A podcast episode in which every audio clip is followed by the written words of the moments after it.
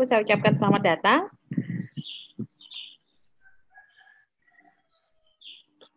Kita berusaha on time untuk mulai waktu. Sudah ada bersama kita Pak Ratodi. Dan hari ini karena moderator sedang berhalangan, jadi saya yang akan memandu acara pada hari ini.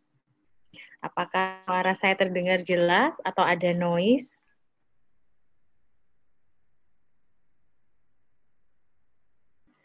Suara saya terdengar jelas nggak? Ada noise nggak? Jelas, Bu. Oke. Okay. Baik. Terima kasih Bapak Ibu atas kehadirannya hari ini. Kita mulai saja ya. Assalamualaikum warahmatullahi wabarakatuh. Bismillahirrahmanirrahim. Uh, saya Lydia, selaku Humas RJI Pengurus Pusat.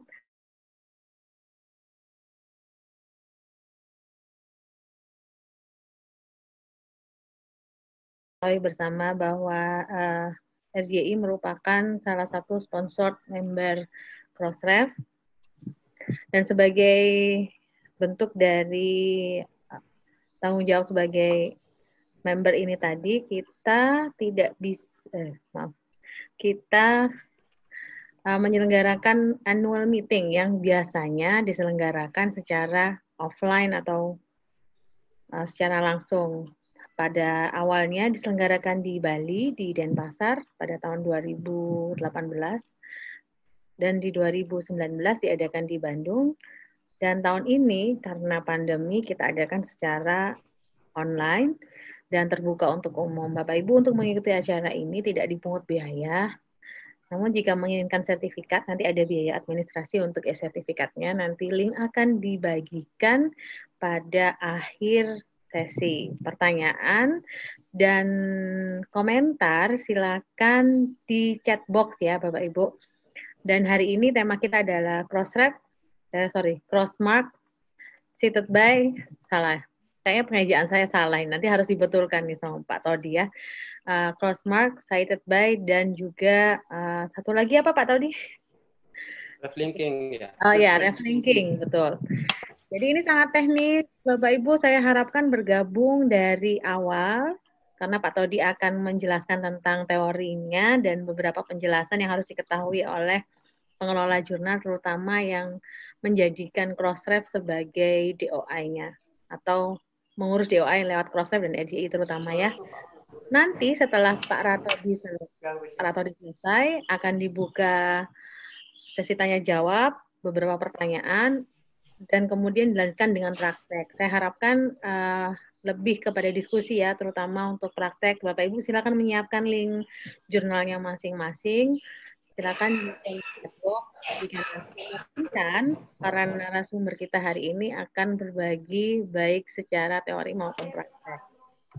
Baiklah tidak berlama-lama, mari kita mulai acara. Sebelum dibuka, kita nyanyikan dulu uh, bersama-sama lagu Indonesia Raya dan juga Mars RJI kepada teman-teman di Sekre dipersilakan untuk share screen.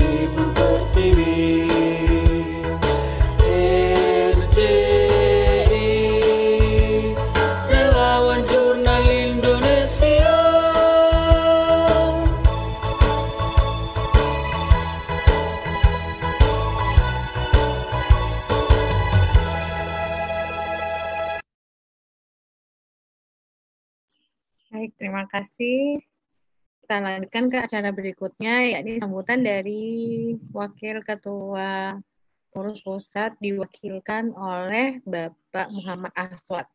Kepada Bapak Aswad, saya persilahkan sekalian membuka acara ya Bapak. Pak Aswad. Oh, tadi sudah bergabung sebenarnya. Bentar. Pak Aswad masih bersama kita.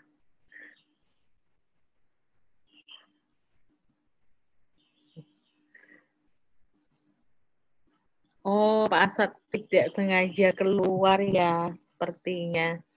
Baik, kalau begitu, uh, Pak Andri tadi sepertinya ada.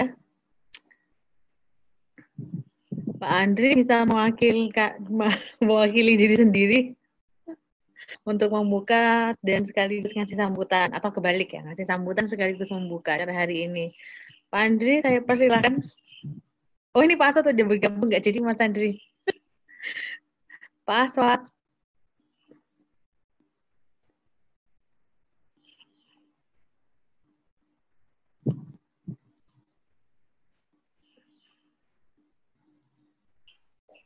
Pak Aswad, Halo. silakan. Iya, Pak Aswad. Saya persilakan untuk memberikan sambutan, lalu kemudian sekalian membuka ya, Pak ya. Ya. ya. Ya, baik. Uh, Assalamualaikum warahmatullahi wabarakatuh. Uh, soalnya putus-putus. Jadi soalnya lagi di kampung nih, jaringan kurang stabil. Baik Pak, kadang videonya dimatikan nggak apa-apa. Kadang hidup. Ya, uh, yang saya hormati uh, pemateri pada The Third Annual Meeting FJ Crossrep Sponsor Organization 2020, uh, Pak Muhammad Ratodi selaku narasumber pada kegiatan ini.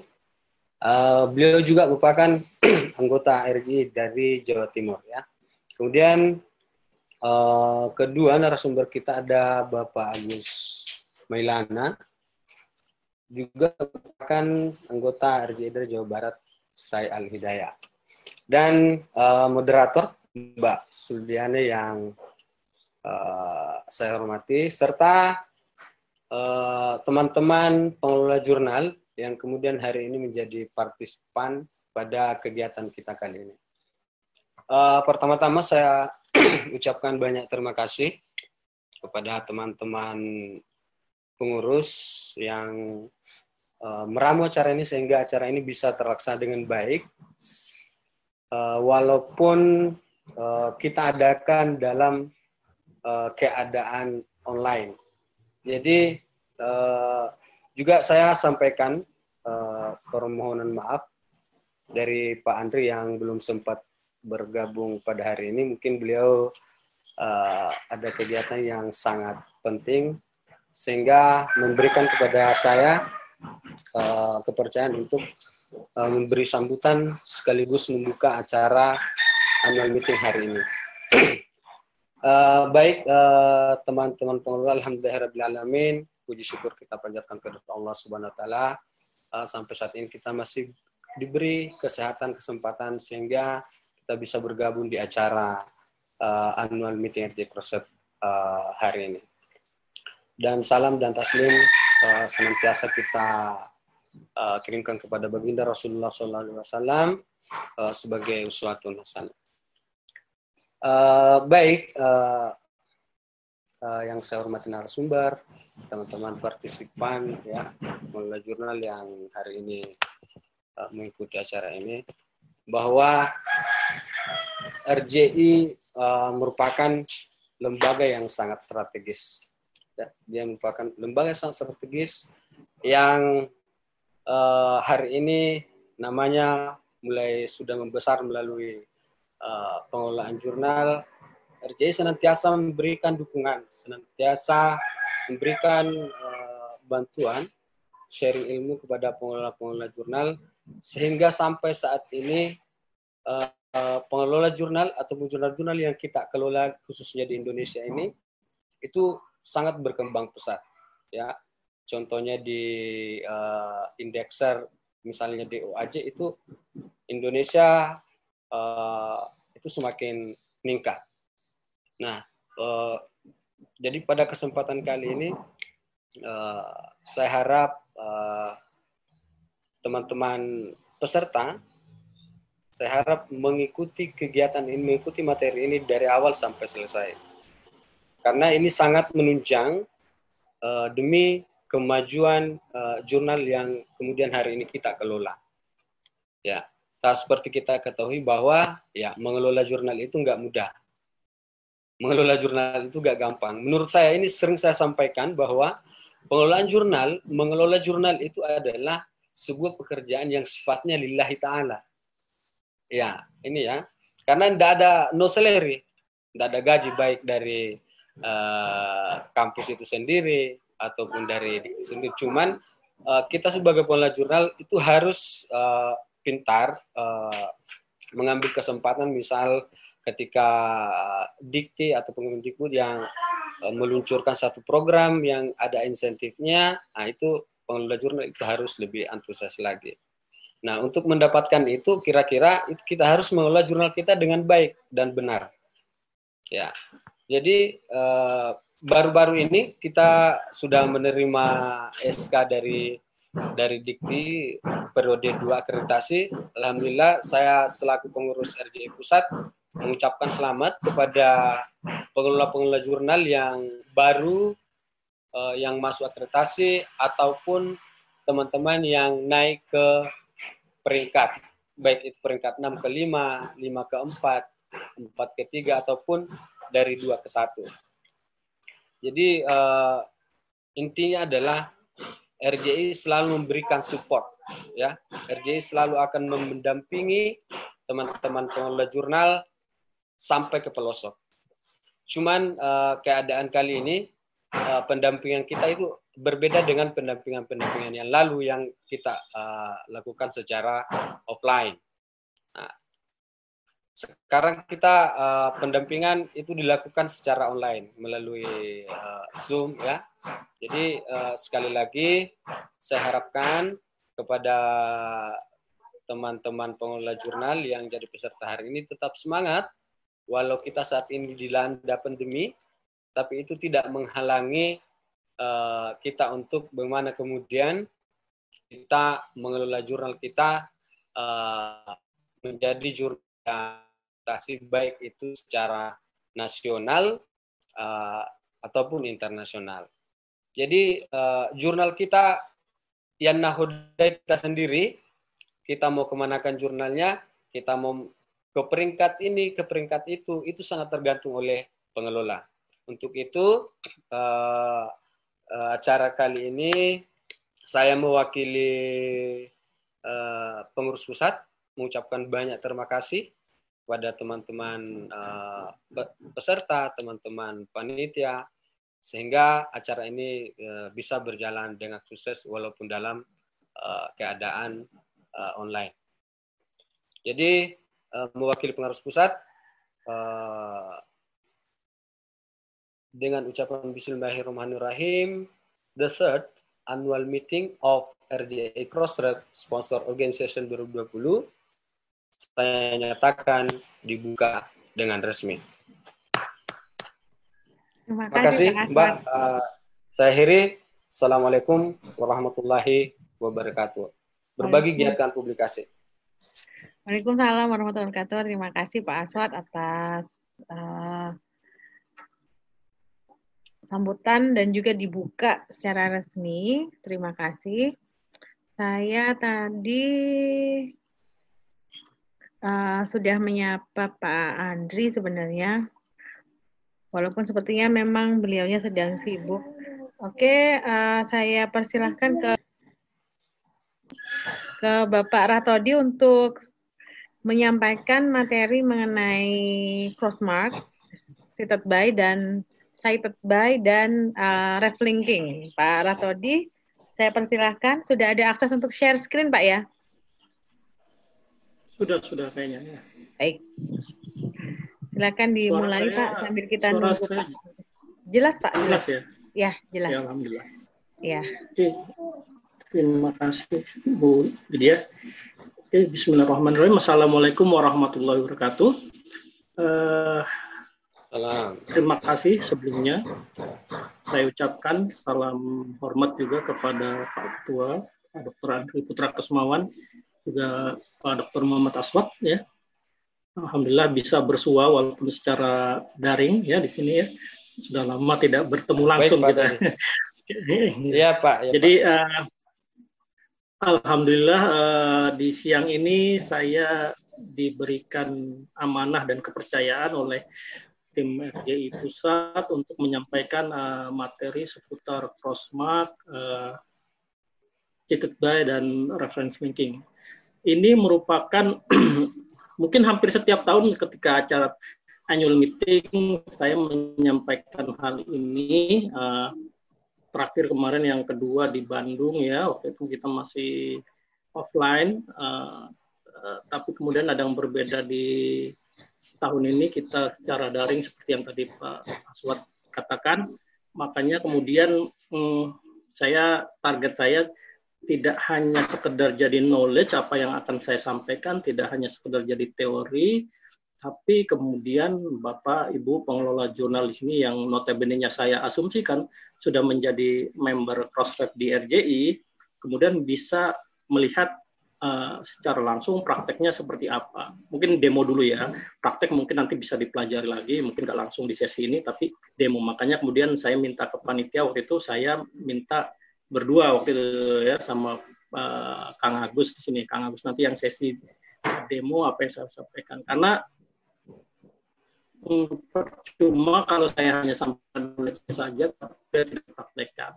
Jadi seperti itu. Jadi harapannya seperti yang Pak Aswad bilang tadi ya ini nanti akan uh, menunjang menunjang proses uh, proses bisnis dari penerbitan uh, jurnal uh, Bapak Ibu semua ya.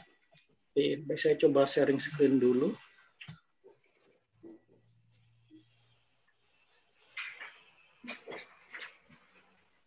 Oke. Apakah terlihat layarnya? Belum? Masih proses kayaknya Pak, belum kelihatan. Nah ini masih, udah. Masih muter ya? Sudah. Sudah kelihatan ya? Sudah. Oke baik, eh, baik terima kasih. Jadi yang akan saya sampaikan mungkin tidak akan panjang, nanti mungkin malah sesinya Kang Agus nanti yang akan lebih banyak mem memperlihatkan demonstrasi bagaimana penerapan ke eh, konsep-konsep ini yang kemudian nanti harapannya setelah kegiatan ini tidak hanya angin lalu artinya sudah mulai eh, Bapak Ibu yang sebagai pengelola jurnal sebagai member proses juga bisa mulai menerapkan. Oke. Nah, ini beberapa layanan dari Crossref ya uh, ada content registration, ada crossmark, reference linking, cheated by, metadata delivery, similarity check, funding registry, dan event data. Nah, sayangnya uh, mungkin selama ini yang teman-teman uh, pengelola jurnal hanya DOI. DOI itu content registration. Jadi ketika Bapak Ibu pengelola jurnal me mendaftarkan DOI-nya ke Crossref, itu yang namanya content registration. itu yang lebih dikenal uh, Crossref seperti itu. Jadi kalau dengar Crossref, doi. Jadi seperti itu. Uh, padahal banyak juga layanan-layanan uh, yang notabene-nya free ya, yang bisa diterapkan di jurnal Bapak Ibu yang kemudian ini nanti akan uh, apa ya istilahnya um, meningkatkan kredibilitas ya atau reputasi dari jurnal Bapak Ibu. Jadi yang perlu saya tekankan di sini bahwasanya uh, mungkin kalau terkait konteks akreditasi jurnal nasional atau Arjuna hanya bersinggungan dengan uh, uh, doi saja ya. Jadi doi doi menjadi salah satu syarat Arjuna. Sedangkan layanan-layanan cross ini tidak tidak ada pengaruhnya terhadap penilaian Arjuna. Tapi diharapkan ini tetap bisa dilaksanakan karena pada kenyataannya uh, di luar sana di luar negeri sana praktik-praktik yang menerapkan uh, layanan-layanan cross ini juga sudah berlangsung. Jadi ini sudah berkembang, sudah mulai diterapkan di luar negeri. Kenapa kita tidak kemudian menerapkan juga? Ya. Nah, oleh karena itu di sini sesi ini saya ngasih pengantar saja uh, bagaimana konsep dasarnya dari uh, khususnya ketiga layanan itu yang tadi yang crossmark, uh, cheated by dan relevant linking dan ini nanti kemudian uh, secara langsung dampaknya kepada jurnal Bapak Ibu uh, semakin memudahkan untuk artikel-artikel yang diterbit di jurnal Bapak Ibu semakin mudah diakses, semakin mudah ditemukan, diakses dan dicitasi. Jadi uh, tiga kata kuncinya itu. Kalau ini doi ya kita sudah maklum insya Allah uh, Bapak Ibu semua sudah uh, sudah menerapkannya konsepnya doi bagaimana kita mendaftarkan mengassign doi pada satu artikel kemudian uh, doi itu didaftarkan ke Crossref untuk diaktifkan. Nah, di dalam doi itu ada struktur data, ada berbagai macam informasi yang kemudian ditarik dalam bentuk XML ya. Nah, itu data itu disebut metadata. Nah, eh, di era publishing online seperti ini, peran metadata ini sangat krusial. Ya, jadi Bapak Ibu sebagai pengelola jurnal harus sudah mulai melek terhadap metadata, terhadap kerapihan metadata, terhadap kelengkapan metadata, terhadap konsistensi metadata di artikelnya masing-masing atau di jurnalnya masing-masing. Kenapa? Kalau bicara metadata di Crossref ini bisa digunakan untuk berbagai kepentingan, ya, mulai dari membuat jejaring keilmuan, membuat database-database terhadap bidang-bidang kajian tertentu, bisa juga untuk membuat uh, profil, ya, profil penulis atau peneliti. Kemudian bagaimana nanti membentuk kolaborasi antar satu peneliti dengan peneliti yang lain, dan masih banyak lagi, ya. Nah, ini bersumber dari metadata, ya. Kebetulan kalau proses itu ada metadata artinya. Nah, Artinya semakin lengkap metadatanya, semakin uh, konsisten metadatanya, semakin baik uh, kualitas metadata dari artikel yang terbit di jurnal Bapak Ibu, kemungkinan untuk di crawling, kemungkinan untuk ditemukan, kemungkinan untuk diakses oleh pengguna di seluruh dunia itu semakin besar. Jadi seperti itu. Nah, saya mulai masuk aja ke Crossmark yang jadi salah satu layanan uh, dari Crossweb adalah Crossmark ya. jadi uh, Crossmark, Crossref gitu. Kadang-kadang orang suka tukar apa itu Crossmark, apa itu Crossref. Jadi kalau maaf, Crossmark ini bentuk fisiknya itu seperti tombol aja sih kalau kalau dalam uh, apa sebentar sepertinya jaringan saya ini saya matikan dulu ininya uh, videonya biar oke okay. jadi kalau crossmark itu seperti tombol bapak ibu ya yang kemudian di tombol itu ketika diklik dapat menginformasikan pembaca atau pengunjung yang datang ke jurnal Bapak Ibu untuk melihat status publikasinya. Ya, status publikasi itu kan yang namanya artikel itu sebenarnya kan tidak stagnan. Walaupun sudah terbit ternyata nanti bisa berubah, ya, bisa diupdate, bisa dimutakhirkan. Ya, atau bahkan bisa ditarik ya, kasusnya itu banyak. Itu kan status publikasi. Nah, bagaimana menginformasikan status uh, suatu artikel terhadap pembaca ya salah satunya caranya dengan crossmark. Kemudian dengan crossmark juga kita bisa mencantumkan informasi pendonor dana atau penyandang dana dari artikel tersebut. Kemudian ORCID ID-nya juga bisa ditampilkan, publication history-nya bisa ditampilkan. Kalau selama ini mungkin kita tampilkan publication history-nya di PDF-nya, kita bisa tampilkan itu di crossmark. Kemudian informasi hak cipta dan lisensi, basically pada dasarnya kita bisa tambah informasi apa pun ke dalam Crossmark. Ya. Nah, Ini saya ambil salah satu contoh jurnal Pak Andri Pranolo ya Universitas Ahmad Dahlan Ija, Ijain ya. Jurnal ini, nah kalau lihat di layar, ini salah satu artikel saya coba screenshot, saya tampilkan di sini. Ada tuh semacam gambar kotak, ada pita merah di bawah uh, nama author dan afiliasi. Nah, saya kasih kotak apa di kotak merah itu, ya. Itu udah tulisannya check for updates. Nah, ini merupakan logo atau simbol dari Crossmark, ya. Nah, bagaimana memasang ini di halaman artikel di Astrock ya ini nanti didemokan oleh Insya Allah sama Kang Agus. Saya sampaikan konsepnya dulu. Nah, ini tombol ini kalau sudah diaktifkan, eh, kita bisa klik. Kalau diklik apa yang keluar? Nah, seperti ini. Nah, jadi ada informasi tentang author, ada funding, ada informasi lisensi dan sebagainya. Bisa ditambahkan, ya uh, ini kalau aktif seperti ini, jadi warnanya hijau ya. Uh, dokumen is current. Nah, current berarti dokumen saat ini. Kalau belum diaktifkan merah biasanya. Nah, ini dengan seperti ini, jadi uh, kita bisa tahu status update-nya suatu artikel.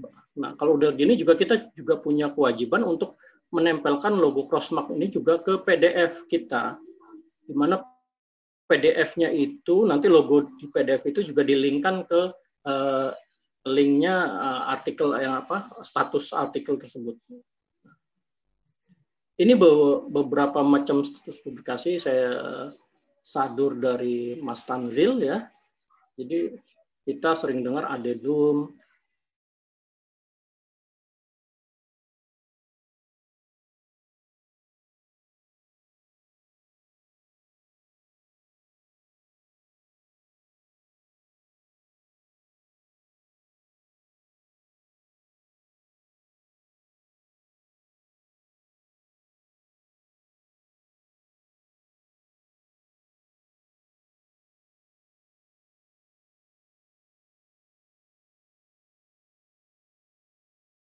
pada dua jurnal yang berbeda. Kan salah satunya harus ditarik.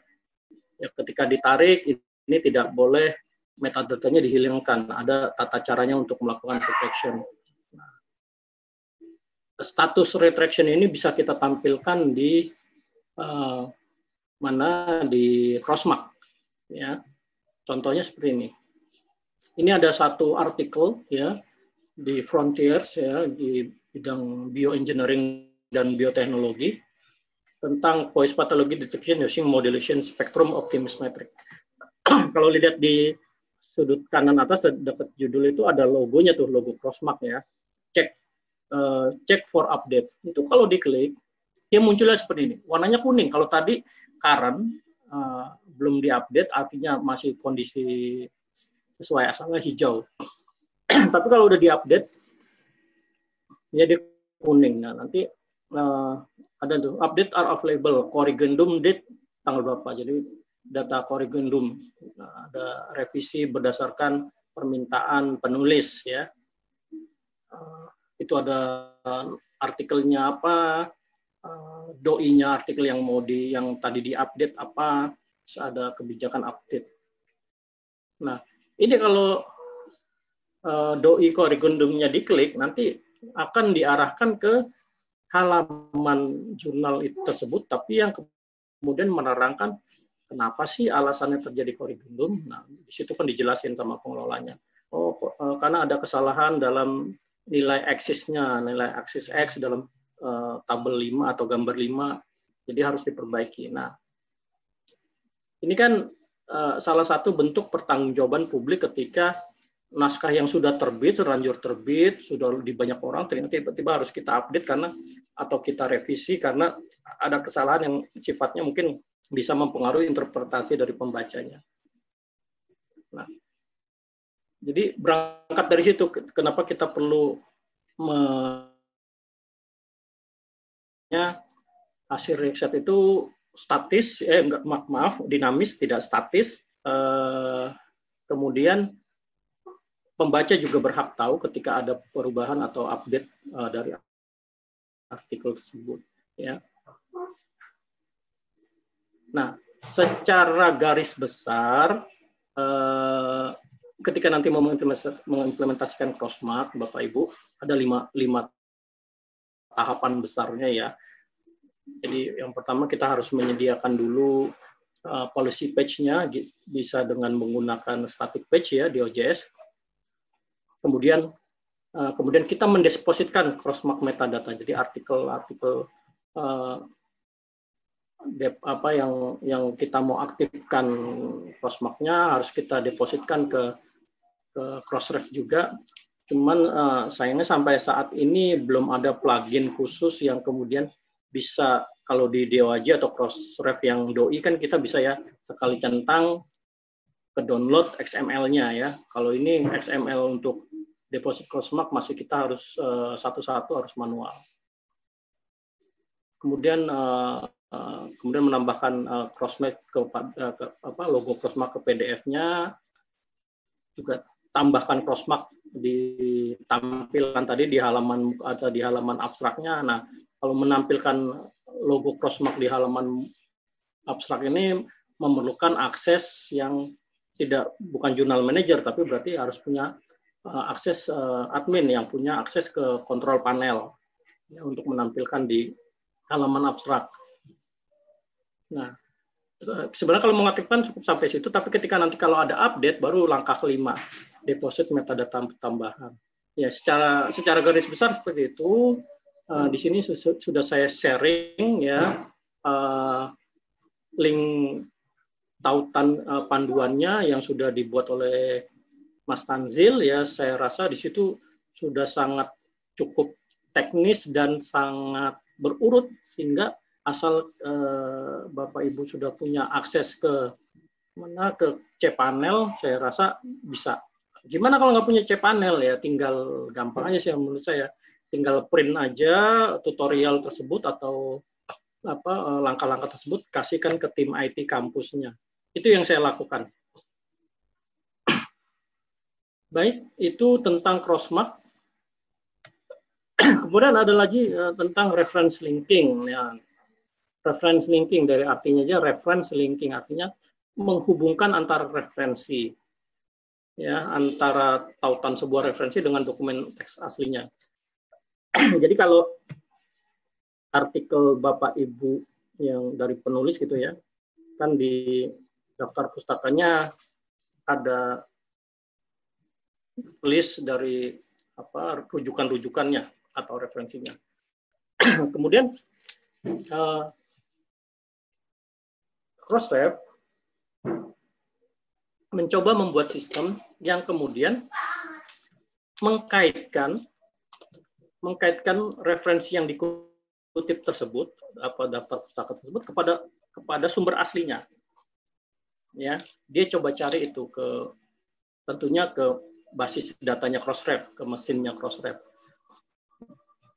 Ya menjadi seperti itu. Nah bagaimana kemudian cari? Nah kalau di di OJS 3 ya sudah ada pluginnya, tapi kalau OJS 2 saya belum tahu, saya belum ingat, singkat saya masih harus kita melakukan apa yang namanya apa yang dikatakan dengan set store metadata referensi atau default reference dari tiap-tiap artikel ke sistemnya Crossref.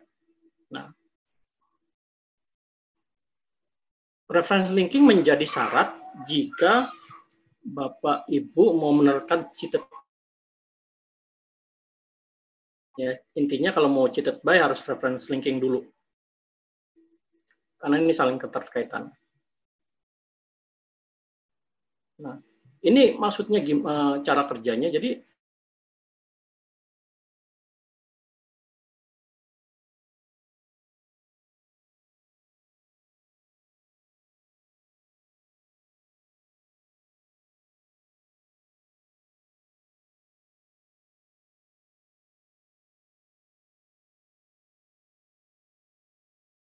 Pak Rotodi, sepertinya terputus ini ya. Uh, baik, Bapak Ibu sambil menunggu bicaranya masuk lagi. Udah masuk Pak Todi? jika ada pertanyaan silakan langsung di chat box ya. Bapak Ibu jangan lupa hari ini akan saya share uh, akan di-share linknya oleh uh, adik-adik staff nanti jam sekitar jam 2-an untuk uh, link ke sertifikatnya. Pak Todi semoga sinyalnya membaik. Sambil saya sapa yang ada di room Pak Agus Mailana sudah bergabung kah?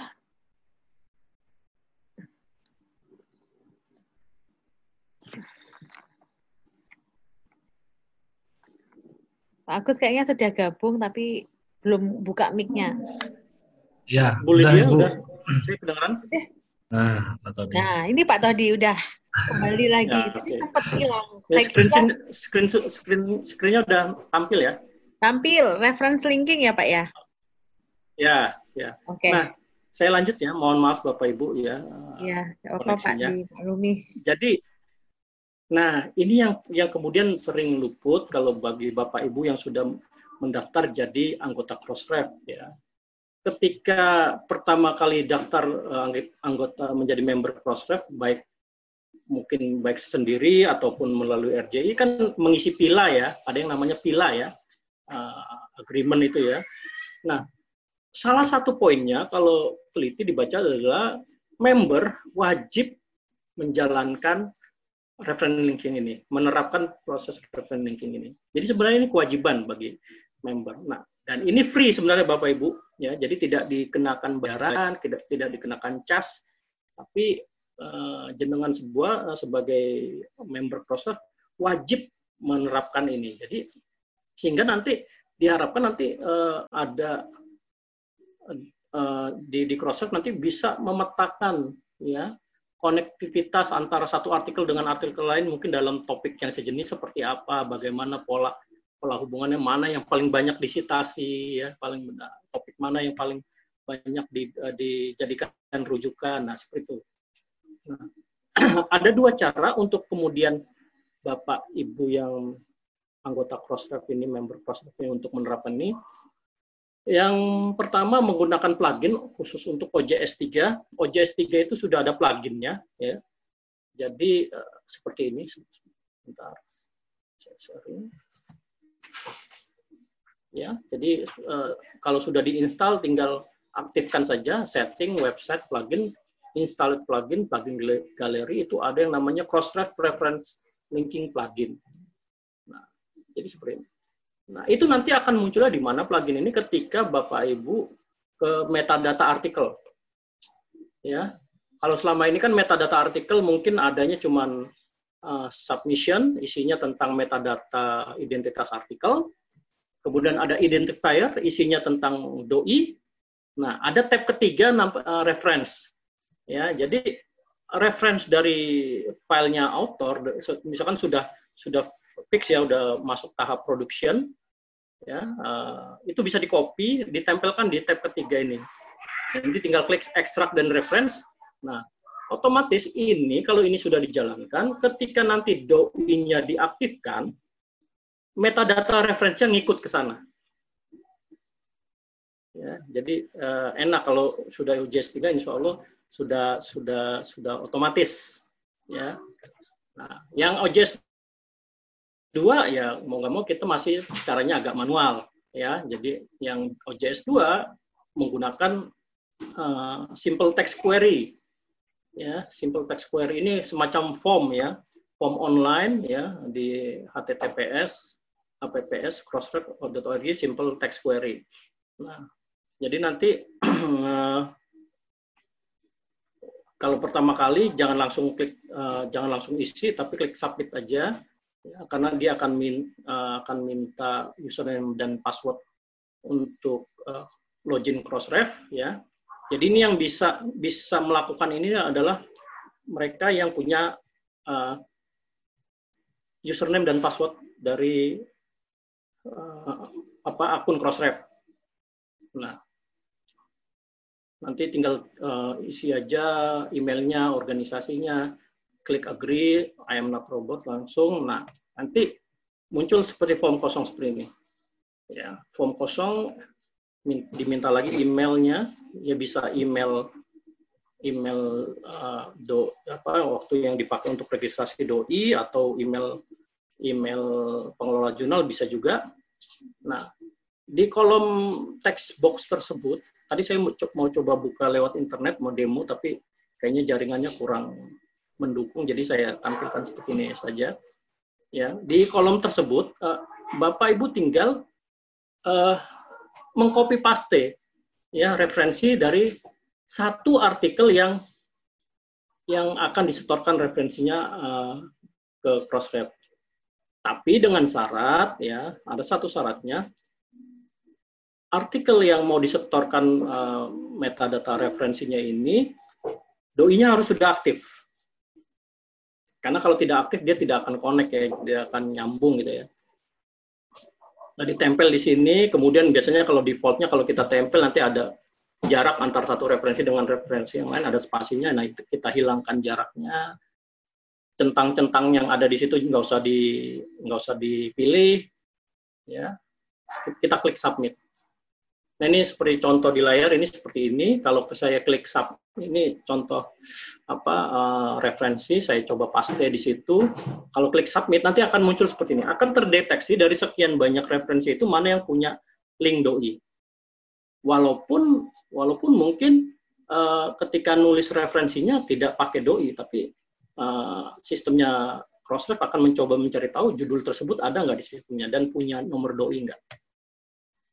Nah, kalau seperti, eh, seperti ini dicontoh di layar kan ada dari sekian banyak referensi ternyata ada empat artikel yang ada di database Crossref. Nah, klik deposit nanti akan muncul uh, isian ya email. Nah, akan diminta email ya emailnya silakan diisi email dengan username uh, akun Crossref atau pengelola jurnal boleh. Kemudian uh, user uh, username itu diisi dengan username yang sama dengan akses deposit doi jadi dengan dengan username dan password dari akun Crossref-nya. Ya. Kedua parent parent doi itu adalah isi dengan prefix dan suffix dari doi yang referensinya kita store. Jadi uh, parent doi ini orang tuanya dari referensi itu siapa sih ya kita kita tempelkan cukup suffix dan prefixnya saja. Habis itu klik deposit, klik deposit nanti selesai, sudah selesai. Kalau mau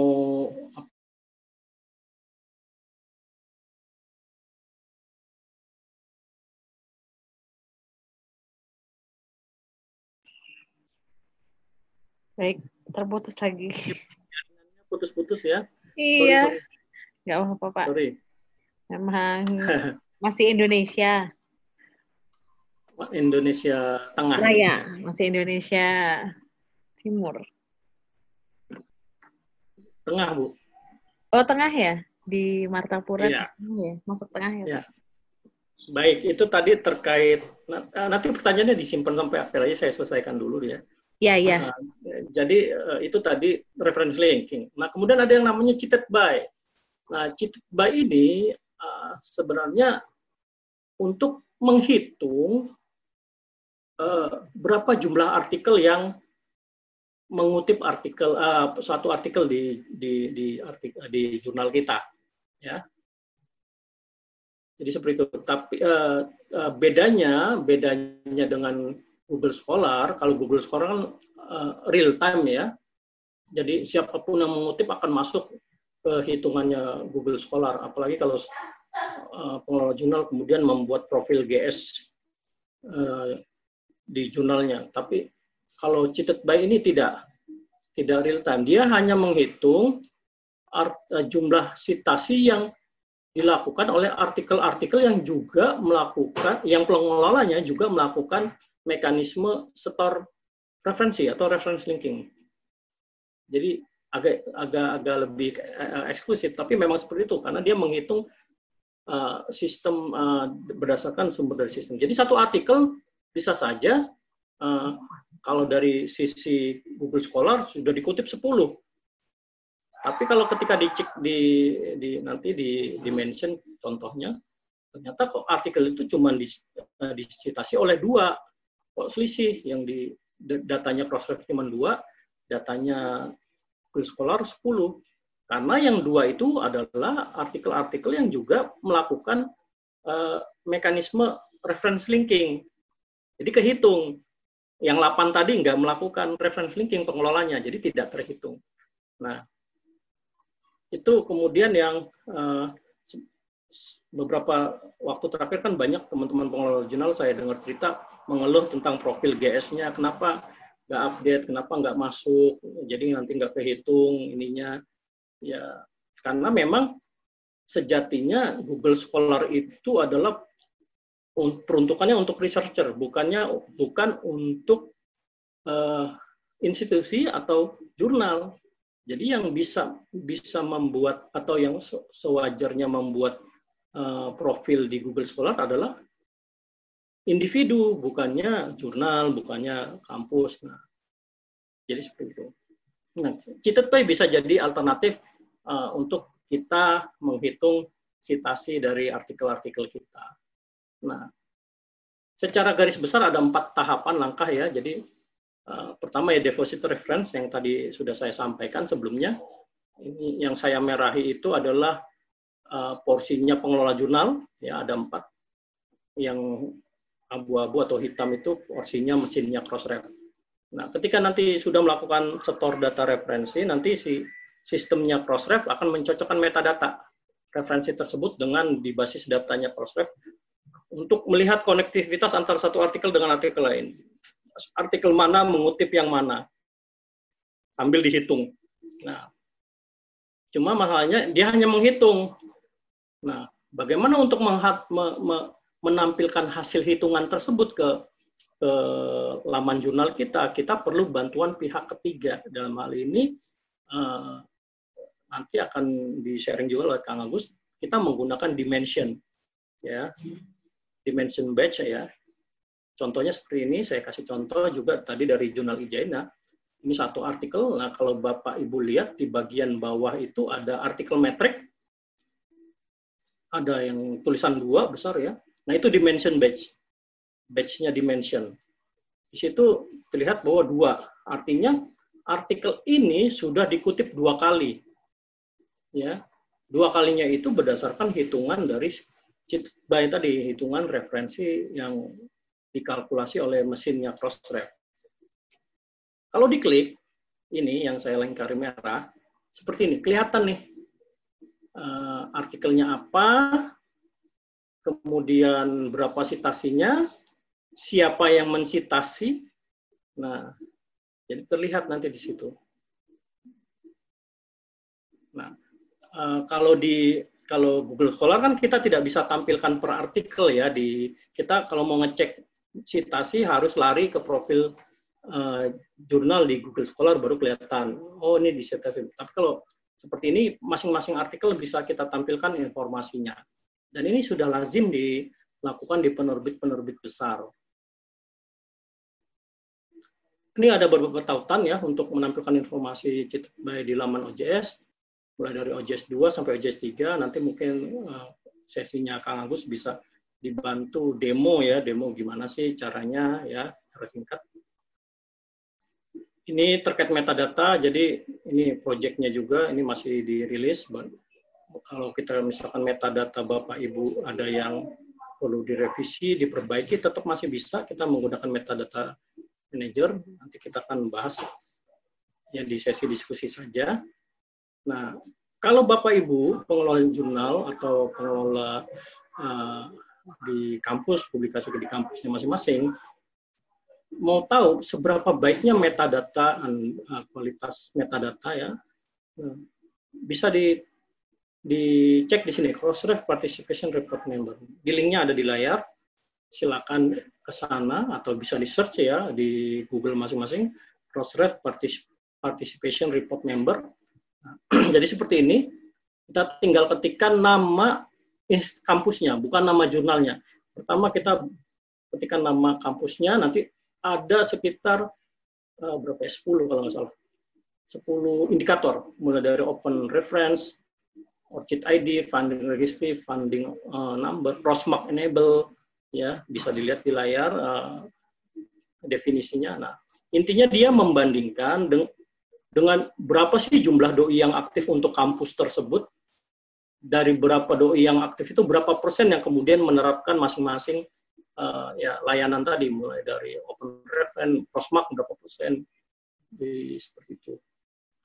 Abstraknya seperti apa berapa persen metadata abstraknya kayak seperti ini misalkan uh, abstrak 95 persen artinya um, dari sekian status doi yang aktif ternyata hanya 95% persen yang dalam doi tersebut ada metadata abstraknya. Yang 5% kenapa? Mungkin saja quick submit, mungkin saja ada faktor lain dan sebagainya.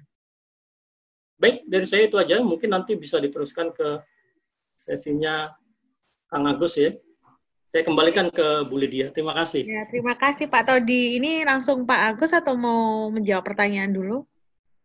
Enaknya ada pertanyaan Pak Agus dulu ya? Apa jawab dulu ya? ya? Mungkin jawabannya ada di Pak Agus ya. iya iya iya. Ini pertanyaan pertanyaan memang teknis ya. Jadi langsung ke Pak Agus Mailana aja dulu, nanti kemudian baru kita uh, apa namanya lanjutkan dengan sesi pertanyaan ya Bapak Ibu ya. Silakan di chat box. Kemudian kalau mau bertanya secara langsung nanti bisa raise hand. Tapi kita kita persilakan dulu Pak Agus untuk uh, menjelaskan. Silakan Pak Agus. Terima kasih Bu uh, Lydia ya uh, atas waktunya. Ya, Assalamualaikum warahmatullahi wabarakatuh. Selamat siang Bapak Ibu. Perkenalkan nama saya Agus Mailana, anggota RJI untuk wilayah Bogor dan sekitarnya. Ya, pada kesempatan kali ini ya, Allah saya akan singkat aja saya menjelaskan uh, cara memasang dimension badge ya, yang tadi Pak Pak Ratodi sudah jelaskan. Dimension badge-nya ini sebentar saya akan share screen dulu.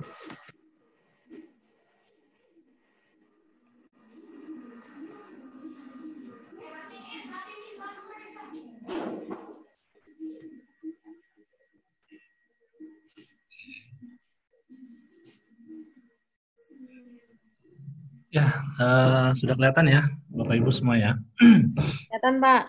Ya. Hmm, Nah, seperti yang dijelaskan oleh Pak Ratodi, ya kalau dimension batch itu kan uh, salah satu kegunaannya itu untuk melihat artikel kita itu sudah berapa yang mensitasi dan di mana, siapa aja sih yang mensitasi uh, artikel kita ini atau tulisan kita ini ya. Nah, ini contohnya, contohnya mungkin Bapak Ibu bisa lihat. Nah, ini kebetulan dari jurnal saya sendiri. Ini doi-nya kayaknya baru diaktifkan, jadi belum ada yang menseleksi. Nah, ini nanti posisinya itu eh, yang yang akan saya jelaskan itu adalah di bagian bawah artikel setelah reference ya biasanya ada di referensinya di bawah itu ada bentuk batch-nya seperti ini nah nanti kelihatan ini berapa sitasinya terus uh, recent sitasinya berapa dan totalnya ada berapa di sini semua. Bisa kelihatan atau uh, bapak ibu bisa ngecek langsung bisa saya tampilkan ya sebentar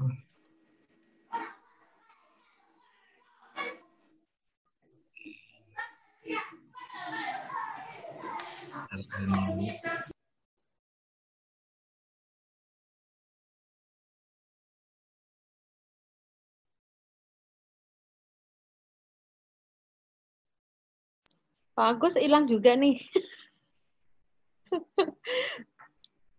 nah, udah. Ya.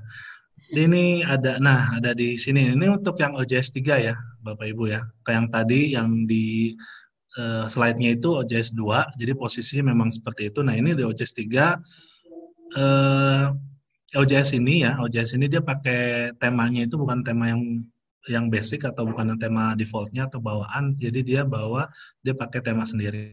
Jadi posisinya di sebelah sini. Ini bisa kita atur sesuai dengan posisinya ya, tapi untuk teknisnya mungkin nanti agak lebih mendalam ya kalau untuk posisinya di mana, ininya di mana gitu ya. Nah ini ada yang ada setasinya. Nah begitu nanti kita klik, nah inilah seperti inilah tampilannya ya. Nah, ini ada yang mensitasi satu, baru sitasi, filtration ratio-nya 0,49 dan sebagainya.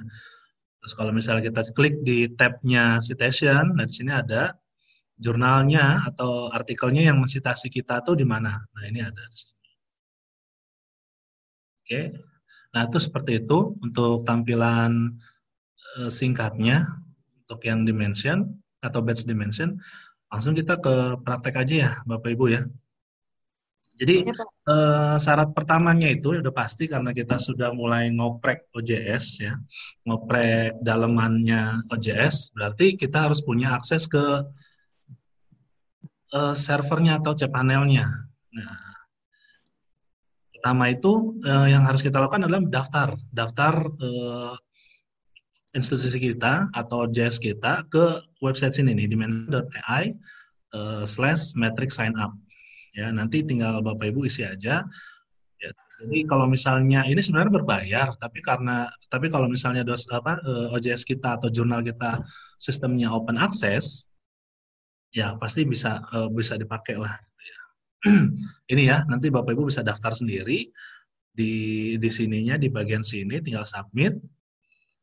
Lalu nah ini kita akan langsung masuk ke bagian cpanelnya ya mungkin bapak ibu bisa bisa sambil apa praktek ya ini yang di sini input code basic theme artinya saya menggunakan tema yang bawaannya gitu jadi bukan mungkin bapak ibu pernah lihat ya tema-tema yang dijual di pasaran gitu ya udah banyak Nah itu tempatnya beda. Nah ini kalau kalau yang basic yang nggak pakai tema itu posisinya di sini. Mungkin saya langsung praktekin ya. Saya uh, bolak-balik share screen, stop screen gitu nggak apa-apa ya Bapak Ibu ya? Nggak apa-apa Pak. Oke siap. Belum lagi jadi ya share screennya? Iya belum, start saya akses panel dulu Bu, kan agak sedikit privacy kalau panel mah. Itu kayaknya harus layar dua itu, jadi nggak share screen, unshare, stop share. Maunya sih gitu Ibu ya. Oke, sebentar. Saya lihat dulu posisinya. Oke. Ini ada di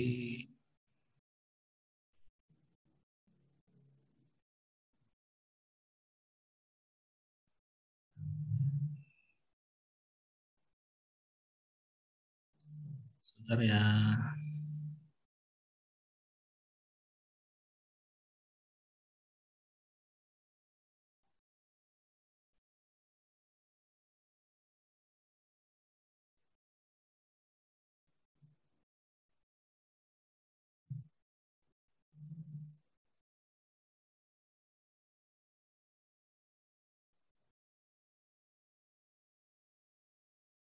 Kayaknya jaringan saya juga nih masuk ke akses panelnya juga agak sedikit ini nih terkendala.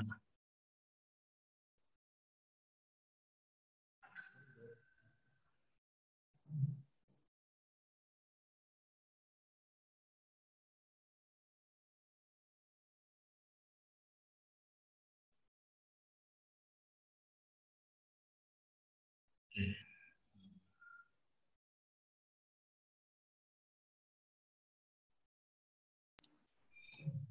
Ya, di sini ya, Bapak Ibu posisinya itu ada di eh, bagian template, terus nanti di folder template, templates ya, itu nanti buka folder artikel. Nah, di file artikel.tpl-nya ini, yang kita harus edit. Ya.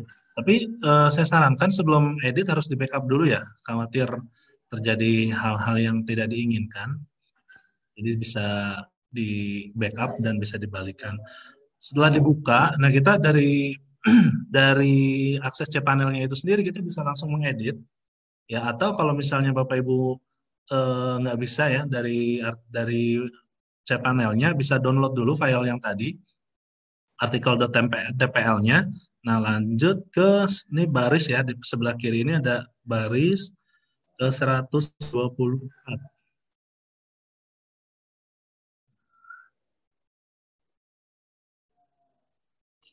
Oke, nah ini. Nah, ini jadi ini tinggal ditambahkan ya. Tinggal ditambahkan yang ini ada apa? Sebentar saya balik lagi ke PowerPoint-nya ya. Maaf, balik. Nah, ini ya. Ini file ini apa? Sorry, coding ini yang saya blok. Nah, di copy ke bagian ke baris 124 tadi. Ya. Nah, nanti setelah itu e, di refresh halaman websitenya. Ini karena posisinya saya sudah copy ya, jadi saya nggak copy lagi. Nah, ini tinggal di refresh halaman websitenya, OJS-nya nanti e, langsung muncul ya, langsung muncul badge-nya.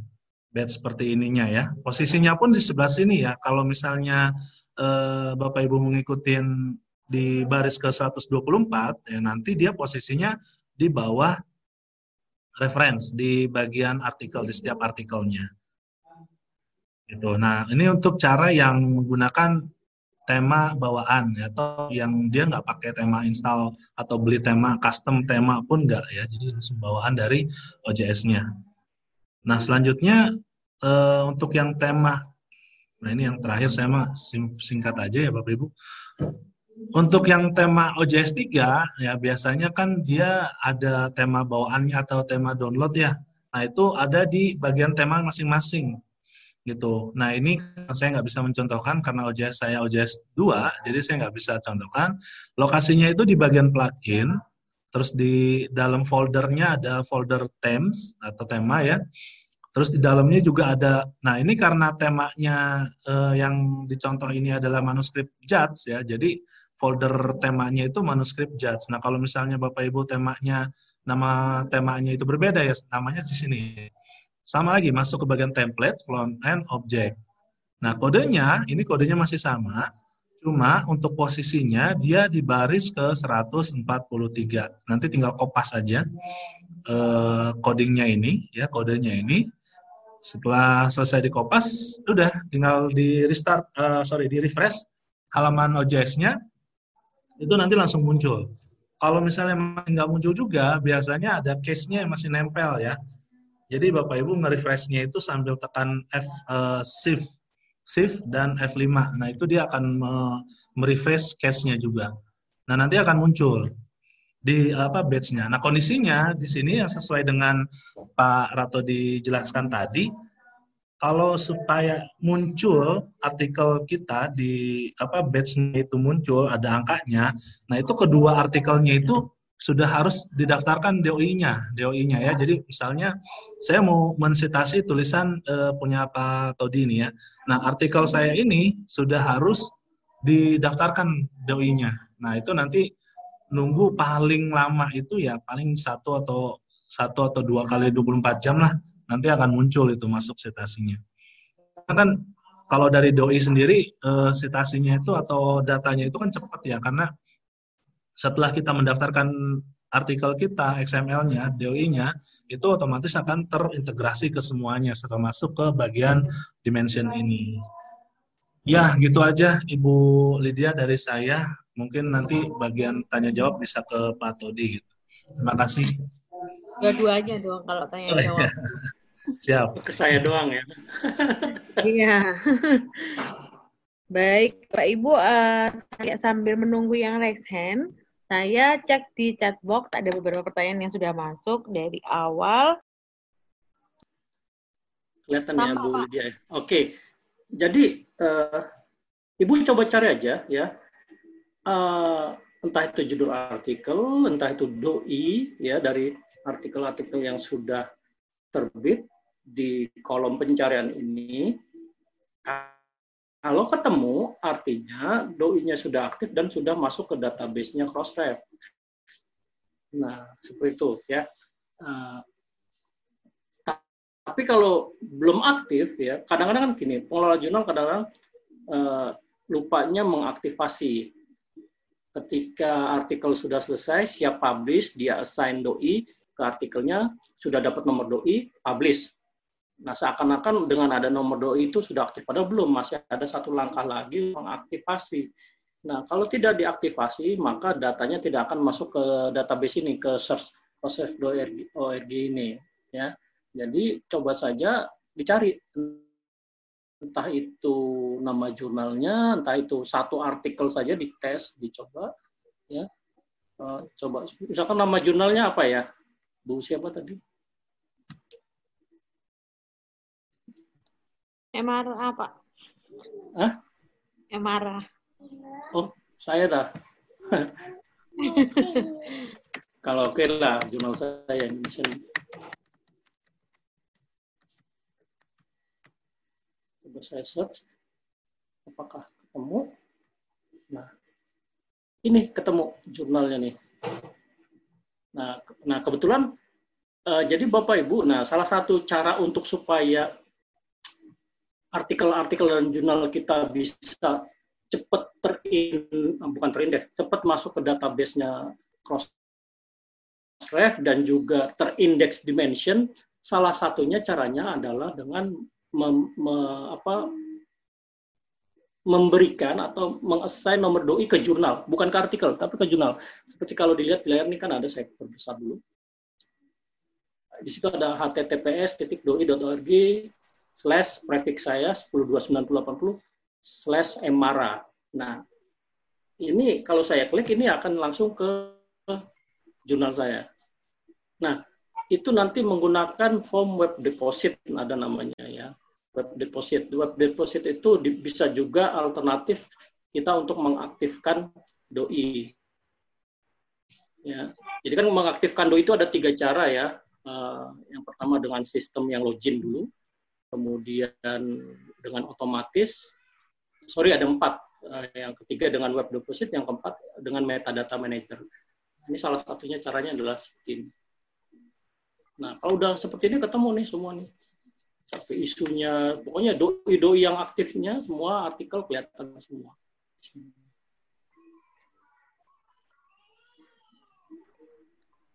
Oke, Pak. Gitu ya. Jadi Eh, sebenarnya kalau asal udah aktif udah masuk ke sistem do, uh, crossref doi-nya.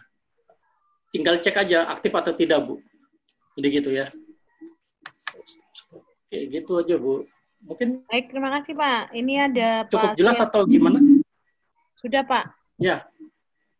Ada Pak Suyahman ini yang mau bertanya secara langsung, silakan Bapak.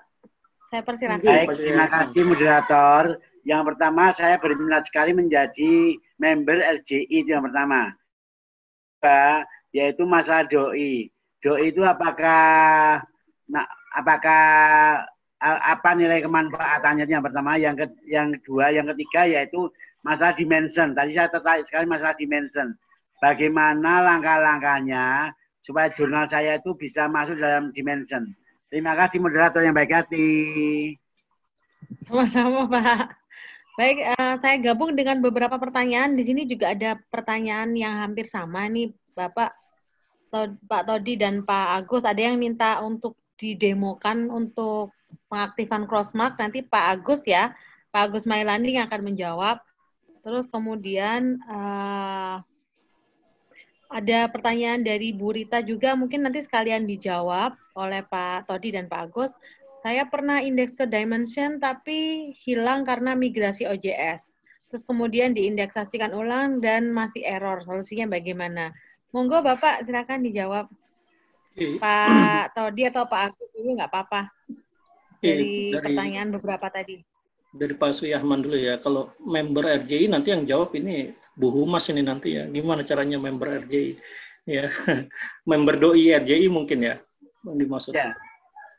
Oh, DOIRJ nanti sudah ada websitenya ya, boleh dia ya, doi titik relawan jurnal ORG betul ya? Boleh dia.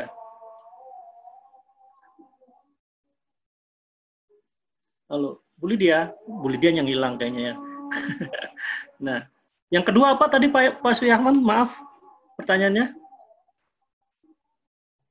Itu mengenai kemanfaatan doi itu bagaimana? Betul. Jadi do, manfaatnya doi bagi artikel dan jurnal panjenengan gitu ya. Yeah. Uh, satu satu kalau dari sudut pandang uh, yang skupnya yang lebih kecil, DOI itu kan syarat buat ke Arjuna, Pak, buat ke akreditasi jurnal. Iya. Ya, itu satu syarat. Tapi kalau bicara konteks yang lebih luas, DOI itu kan artinya Digital Object Identifier. Jadi setiap artikel itu akan punya nomor identitas unik, nomor KTP-nya lah. Iya. Jadi tidak akan tertukar ke sana kemari gitu loh. Jadi seperti itu. Jadi uh, dengan nomor tersebut diharapkan nanti uh, artikel-artikel yang terbit di jurnal panjenengan uh, nanti lebih mudah ditemukan oleh orang lain, tidak tertukar dengan artikel yang sejenis mungkin gitu ya uh, artikel atau dengan title yang sejenis, autornya juga tidak akan tertukar uh, dan sebagainya. Jadi secara strategi seperti itu sih kalau doi itu. Nah, kalau dimension ya, dimension itu pengindeks ya.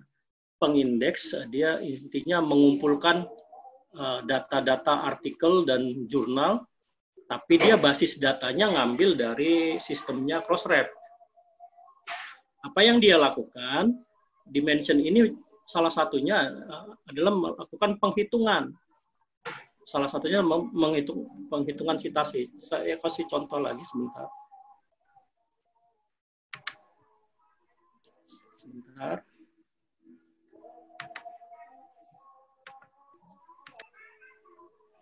Uh, apakah terlihat screen uh, screen saya? Ya, Pak. Ya, Pak.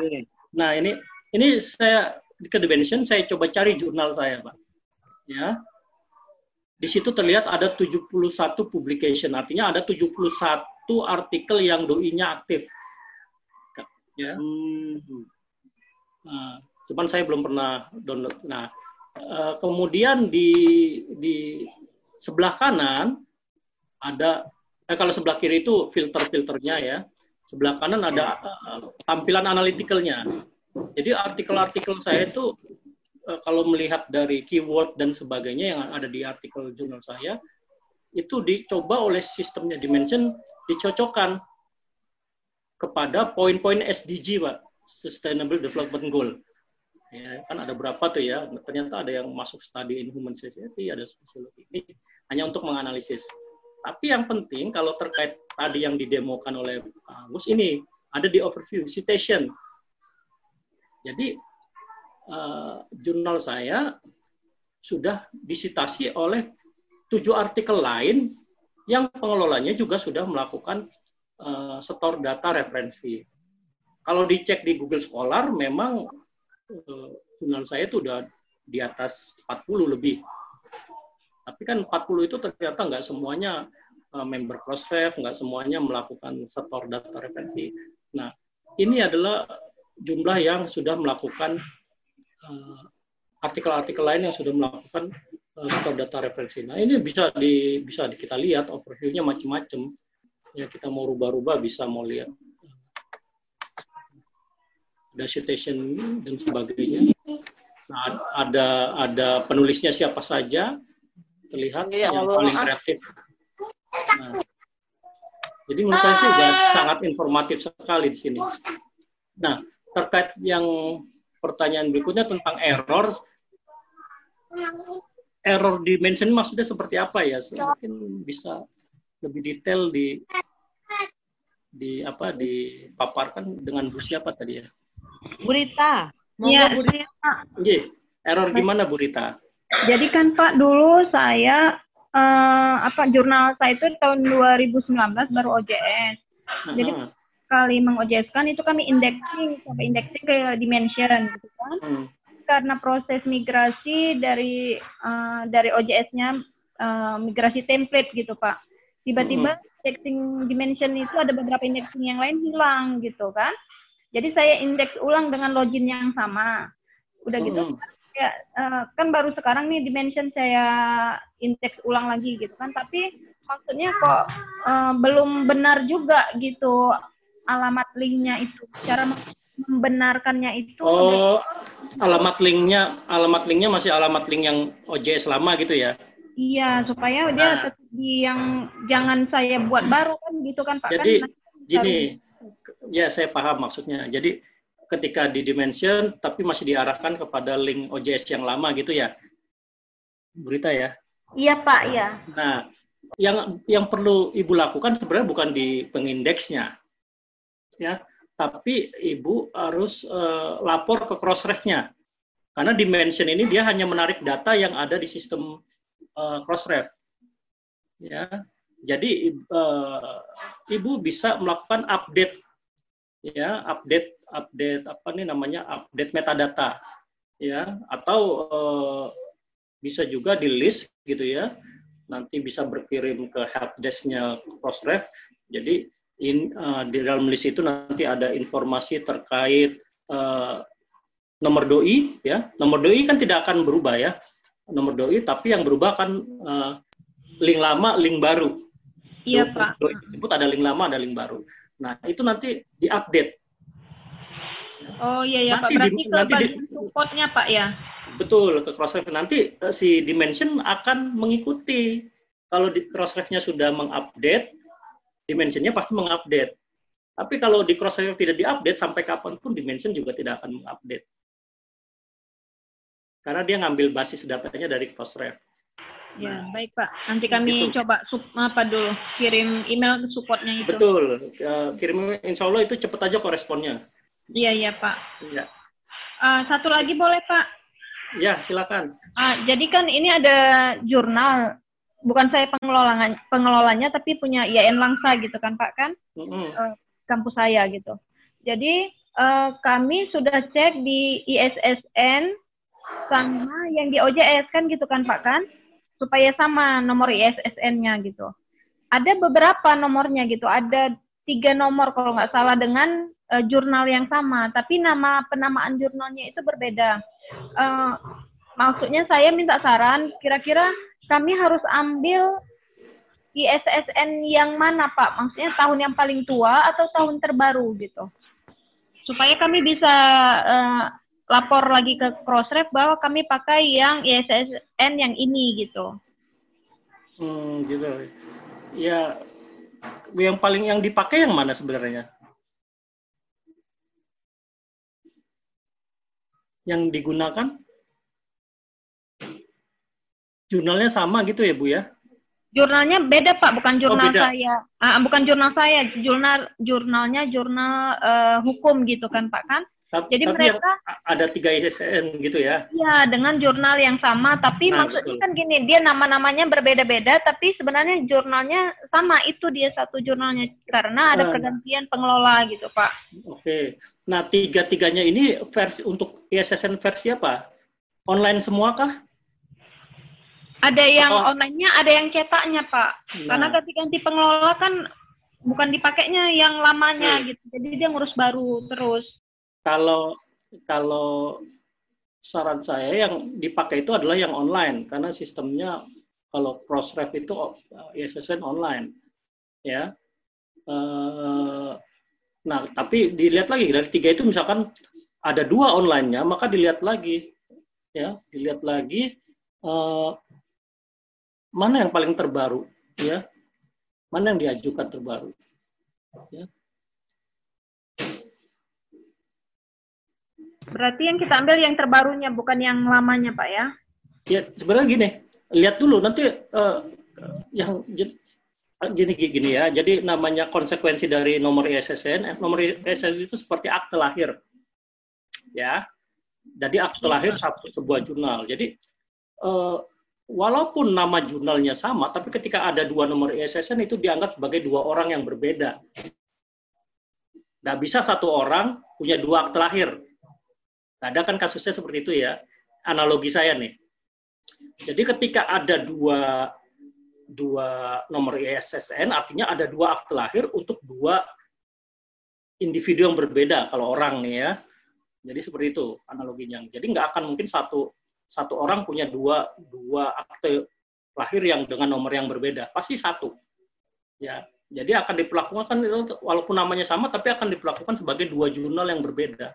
Nah, tinggal dilihat aja lagi menurut saya, uh, dilihat lagi yang uh, yang paling mungkin kalau yang lama kan otomatis apa nih uh, rekodnya masih ada di situ ya. Masih Pak. Nah, kalau kita pakai yang lama, otomatis kita meneruskan yang lama. Tapi kalau yang pakai yang baru berarti kita akan uh, umur kita, umur jurnalnya ibu yang tersebut yang berdasarkan uh, tanggal keluar ISSN itu. Artinya terbitan-terbitan yang lama yang pakai ISSN lama itu ya tidak diakui di jurnal yang baru karena aktenya beda. Gitu ya. Oh iya iya Pak, udah paham gitu. saya Pak. Berarti gitu, kan. uh, gini Pak, artikel yang kita terbitkan di jurnal dengan ISSN yang ini nggak bisa dipakai di jurnal yang dengan ISSN Sama. lagi Pak ya? Iya, karena orangnya kalau kalau kita di manusia orangnya beda. Iya iya ya Pak, iya iya gitu. iya. Juga ya Pak. Iya, iya makanya. Jadi kalau misalkan ada seperti kasus itu sebenarnya solusinya bukan bikin ISSN, mending lanjutin aja walaupun nanti ada terbitan yang bolong nggak masalah. Iya iya Pak, ya udah paham Pak. Makasih ya Pak. Iya sama-sama Bu. Nah, masalah crossmark nanti saya saya saya kembalikan ke uh, ini aja. Nanti mungkin Kang Agus bisa buka forum forum yang ini uh, sebentar saya saya sharing dulu di chat. Kang Agus Boleh, masih ada ya? Hadir, hadir, hadir. Hadir, masih hadir. Nanti di ini kan ya di uh, mekanismenya supaya prakteknya untuk crossmark tadi ya minta.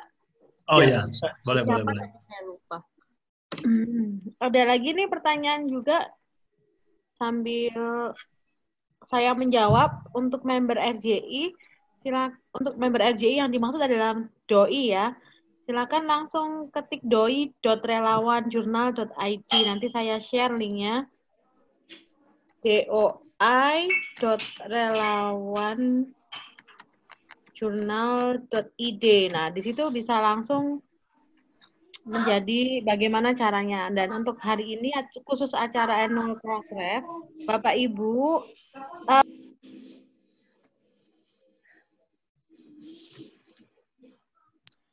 Bapak Ibu bisa mendapatkan free annual fee untuk tahun ini jika mendaftar selama uh, acara ini berlangsung. Acara ini berlangsung tapi besok Senin juga boleh kok.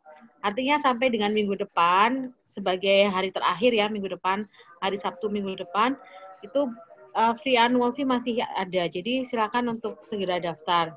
Kemudian uh, Bapak Ibu ada lagi yang bertanya ini Pak Yohanes Mi, Mi Mikael ya atau Michael prosedur untuk match perfect. Nanti sekalian Pak Agus mungkin menjawab.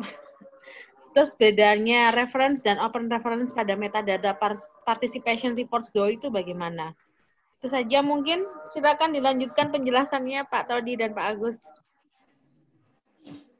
Ya, um, yang mengenai crossmark ya.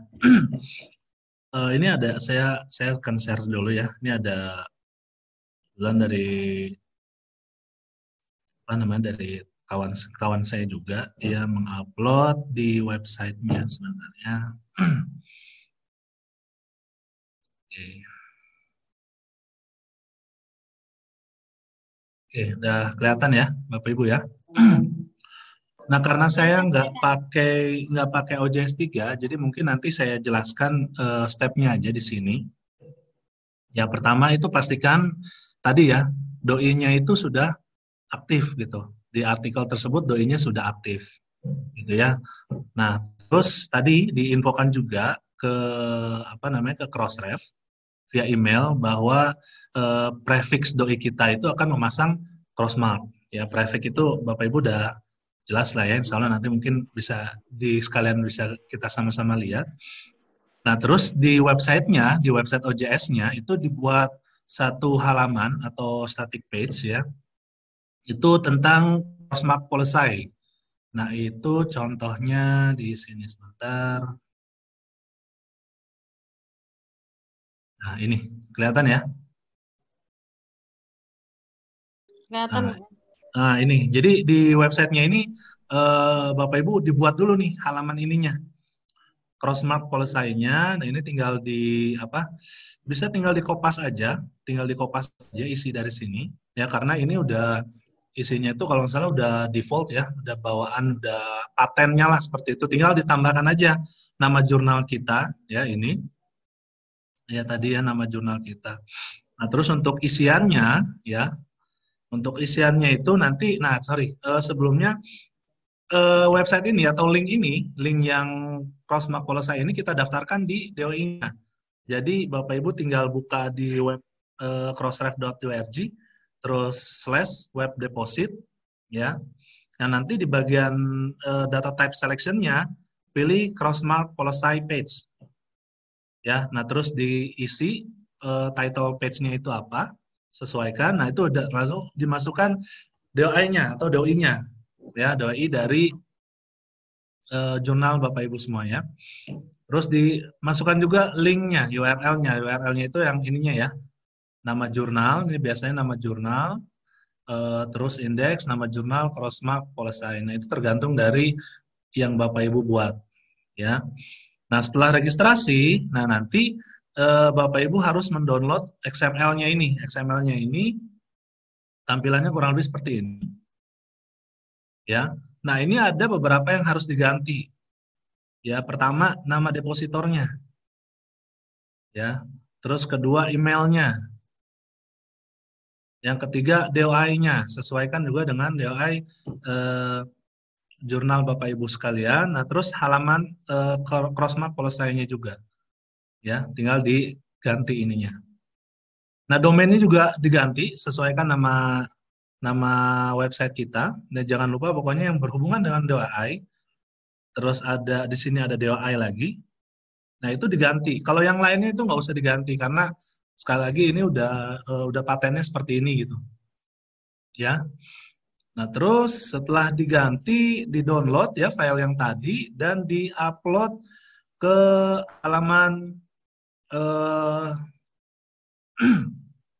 maaf maaf ke doi ini ya doi.crossref.org jadi hampir sama kayak kita mengupload uh, apa namanya XML doi-nya. Ya. Setelah itu yang tadi ya, yang file yang ini, yang setelah kita ganti semua ini kan formatnya masih bentuk XML ya. Bapak Ibu ya, semuanya masih dalam bentuk XML. Nanti yang file ini ini kita upload ke ini web.doi.crossref.org ini seperti kita mengupload uh, artikel ya, apa XML artikel kita ya pilih centang doi resource-nya, pilih XML, upload dan sampai nunggu tulisan sukses. Nanti hasilnya kalau misalnya sudah selesai kurang lebih contohnya seperti ini. Sebentar. Nah, ini kurang lebih seperti ini. Ya. Nah, ini berarti uh, sudah sukses nih. Ya, sudah sukses pasang DOI-nya. Nah, untuk menggunakan di OJS-nya atau memasang di OJS-nya atau mengaktifkan di OJS-nya. Nah, itu ada di ini untuk OJS 3 ya. Di setting, distribution, custom tag. Nah, tinggal di copy aja ini nih, salah satunya. Bisa ini, bisa juga ini. Nanti tinggal diganti ya. Konten DOI-nya ini tinggal diganti. Ini juga DOI juga tinggal diganti. Oke. Nah, untuk memasang logo Crossmark di OJS 3-nya, nah ini harus masuk ke uh, apa chat panelnya lagi. Jadi posisinya itu sama bersama di yang tadi kita masuk ke apa uh, dimension. Ada di folder templates, folder di dalamnya ada front end, ada objects. Nah nanti ada artikel, ada file namanya artikel.tpl. Lalu tinggal di kopas yang ini, file ini, ya. Uh, sorry bukan file, codingnya ini tinggal kopas dimasukkan ke dalam uh, yang file di sini artikel details.tpl di baris 78. Nah, atau juga kita bisa download ya dari filenya, cuma ini kita udah ada, nanti kurang lebih seperti ini, ya. Nah, selesai, setelah selesai, ya udah nanti di uh, websitenya itu udah ada ininya, postmarknya dan di setiap artikelnya itu kurang lebih seperti ini. Itu mungkin Bapak Ibu yang bisa saya share untuk pemasangan crossmark di uh, OJS 3 ya mungkin nanti nah ini nanti linknya ini saya saya kirim juga deh di app. Yang tadi Pak Rato dikirim juga sudah ada itu ya sebenarnya ya. Ya, ini ada di forum ya, Bapak ya, Ibu di forum. Nah itu jadi sedikit ya, sedikit sedikit koreksi eh, sedikit tambahan aja nih. Mangga, mangga. Anggi, jadi kalau tadi kan disampaikan di awal kalau mengaktifkan ini eh, Bapak Ibu diminta email Crossref bahwa mau mengaktifkan Crossmark ke mengemail ke Crossref. Tapi uh, ini yang terbaru bahwasanya uh, bagi member Crossref yang via RJ udah nggak perlu lagi kirim email, langsung aja ke step berikutnya mengaktifkan tadi pasang pasang logonya, mengaktifkan semua. Jadi tidak perlu kirim email lagi. Jadi okay. seperti itu Kang Agus. Jadi Alam, kita udah jalur cepat lah. Siap, terima kasih Pak Todi. Oke, berarti untuk aktivasinya bisa via RJI ya, untuk menghubungi supportnya kalau misalnya ada kesulitan Bapak Ibu bisa dilihat di chatbox sudah di-share Pak Ratodi link ke forum topiknya khusus untuk crossmark. Terus kemudian dari Pak Muhammad Khairuddin ya ini ya. Uh, eh, ISSN ini ada dua gimana? Oh, dan sudah dijawab oleh Pak Ratodi tidak masalah. Karena memang beda media, yang satunya cetak, yang satunya online. Terus kemudian ada juga pertanyaan lagi nih uh, reference dengan open reference tadi belum dijawab ya Pak Todi. Okay. Bedanya reference dan open reference pada metadata participation report DOI. Baik, saya sharing dulu. Oke. Okay. Bedanya lihat ya. Sudah terlihat ya, Bu Lydia ya? Ya Pak, bisa Pak. Oke. Okay. Udah kelihatan Pak, saya lupa. Baik, uh, re reference. Reference itu yang pertama terkait berapa persen dari eh, artikel-artikel uh, yang doi-nya sudah didaftarkan itu ada mengandung metadata referensi. Ya. Berarti ini kaitannya dengan reference linking tadi. Ya. Kalau dalam hal ini misalkan di situ referensinya 18 persen Artinya dari di atas itu di pojok kanan ada tulisan 195. Dari 195 artikel atau doi yang didaftarkan, hanya 18 persennya yang kemudian ada metadata referensi atau sudah melakukan setor metadata referensi. Ini data lama nih, yang saya screenshot data lama. Ya, itu reference. Nah, sedangkan open reference adalah jumlah uh, persentase dari uh, reference yang uh, terregistrasi yang kemudian sifatnya bisa dibuka atau open untuk di crawling oleh sistem sistem uh, sistemnya Crossref. Nah, ini sebenarnya uh, kalau untuk jurnal-jurnal terbitan di atas tahun 2015, artikel-artikel yang terbitan di atas 2015 uh, itu sudah otomatis statusnya open. Ya, ref artinya referensinya bisa secara terbuka di di apa di uh, di uh, diakses oleh mesin-mesin pencari ya. Nah, tapi kalau misalkan ada yang di sebelum itu uh, 2014 kah 2013 gitu ya. Eh sorry, bukan 2015, 2017. Uh, kalau di atas 2017 itu sudah otomatis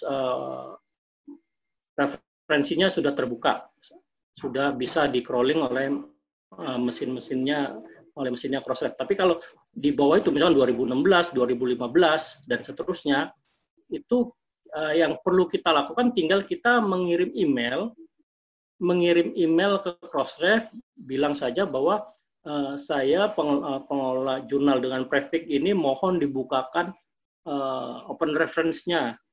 Nanti oleh si si admin atau helpdesk-nya si Crossref ini nanti di dibuka seperti itu. Jadi ini terkait seberapa terbukanya uh, referensi ini bisa tersedia. Ya, kalau reference saja itu adalah uh, metadata yang artikel-artikel eh, apa sorry yang doi-doinya tadi sudah ada metadata referensinya. Bisa juga diartikan sebagai jumlah artikel yang sudah menyetorkan metadata referensinya reference linking tadi. Jadi itu perbedaannya itu. Oke, nanti kalau misalnya ada pertanyaan lanjutan bisa bisa uh, di chatbox atau raise hand lagi ya Bapak Ibu ya. Ini pertanyaan selanjutnya dari Ibu Fitri. ini jurnalnya terintegrasi dengan unit utama, tapi setelah artikel doi itu bermasalah. Jika ini saya jawab saja ya, kalau ada masalah secara technical support begini, uh, sebaiknya Bapak Ibu menghubungi ke nomor adminnya RJI atau kalau memang DO-nya dari RJI ya, itu akan dibantu oleh uh, support sistem dari kami karena ini kendalanya kemungkinan ada di sistem yang ada di tempat tempat ibu. Jadi uh, ke WA ke admin nanti oleh admin akan diarahkan ke technical supportnya uh, DOI yang ada di RJI. Begitu ya Ibu Fitri ya. Oke, saya lanjutkan ada pertanyaan berikutnya kah?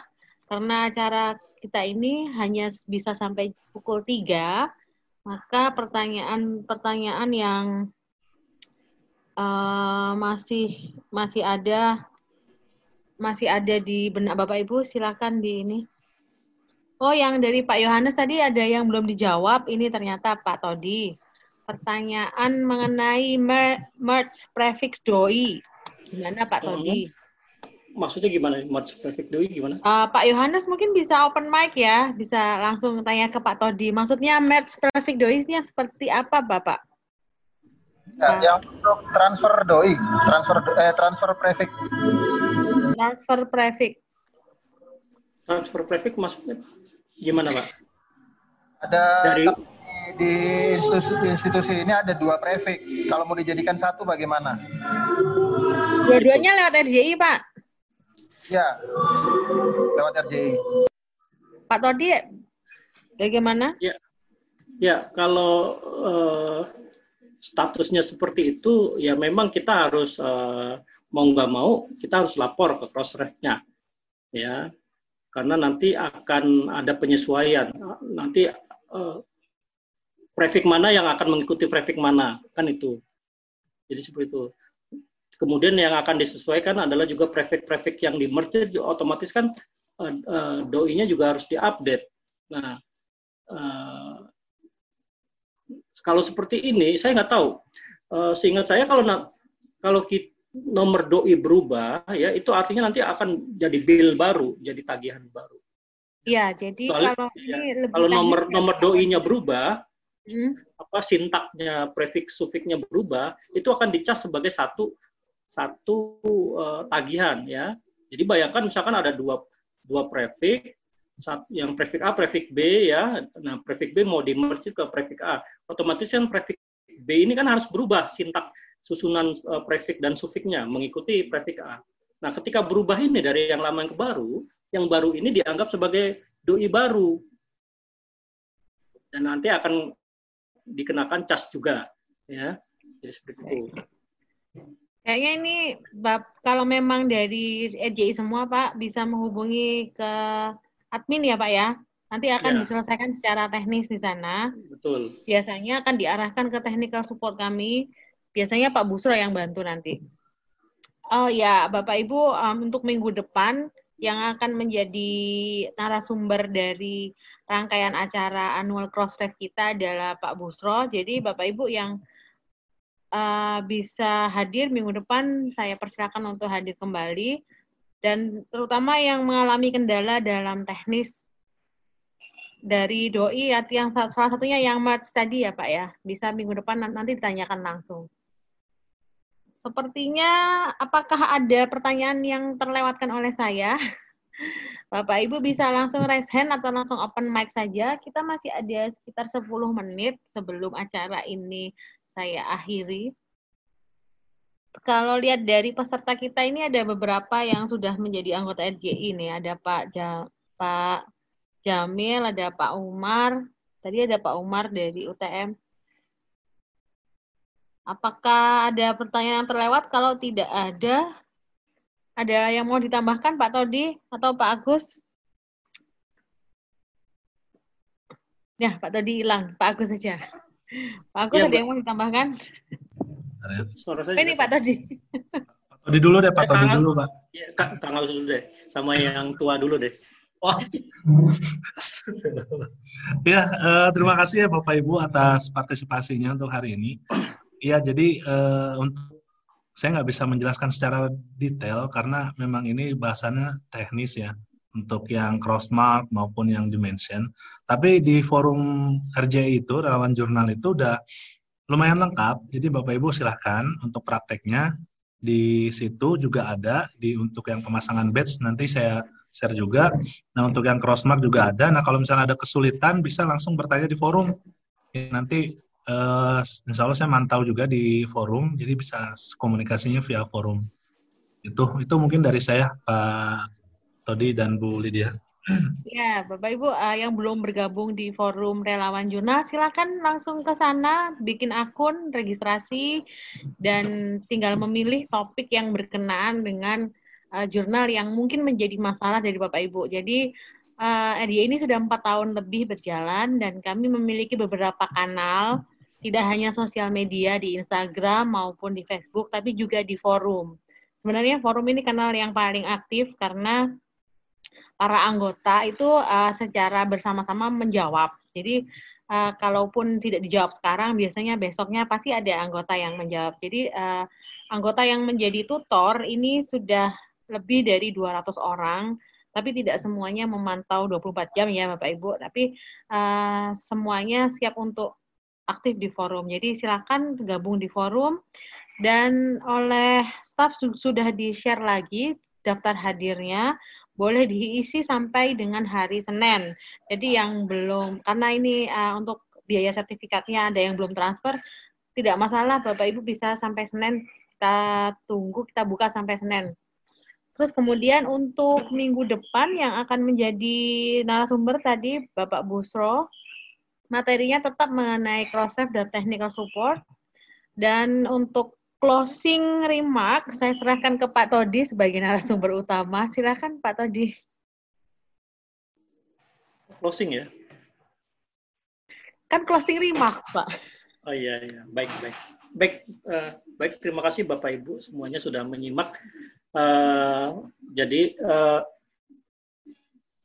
saya harapkan setelah uh, yang sudah dipaparkan hari ini kemudian tidak menjadi bingung sendiri atau merasa berat ya Uh, jadi kalau yang pengelola jurnal kemudian baru mau mengurus doi, silakan dibenahi dulu proses uh, registrasi kontennya. Ya. Tapi kalau misalkan uh, bapak ibu yang sudah smooth, ya, apa, uh, sudah lancar tentang masalah doi, tidak ada kendala dan sebagainya, maka uh, diharapkan sudah bisa naik level ya terkait penggunaan layanan cross ini karena ini semua gratis, tidak berbayar ya, uh, semua gratis.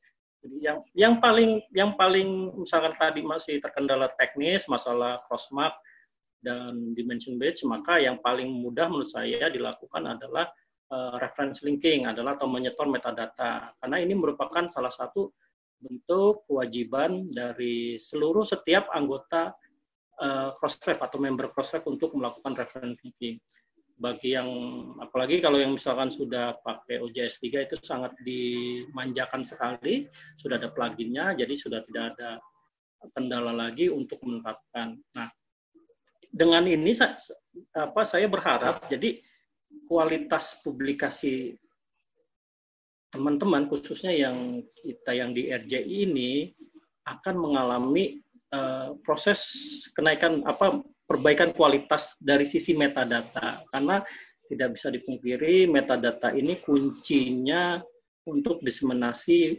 artikel-artikel atau publikasi artikel yang ada di Bapak Ibu semua. Nah, jadi eh, saya rasa eh, beberapa satu tahun terakhir ini tutorialnya sudah sangat banyak beda waktu kita awal-awal 2016-17 itu mensosialisasikan tentang crossmark, reference linking dan dan uh, cheated by ini sangat minim, tapi sekarang sudah banyak tulisan-tulisan di internet yang kemudian insya Allah bisa juga digunakan untuk referensi menerap, menerapkan berbagai layanan cross-ref.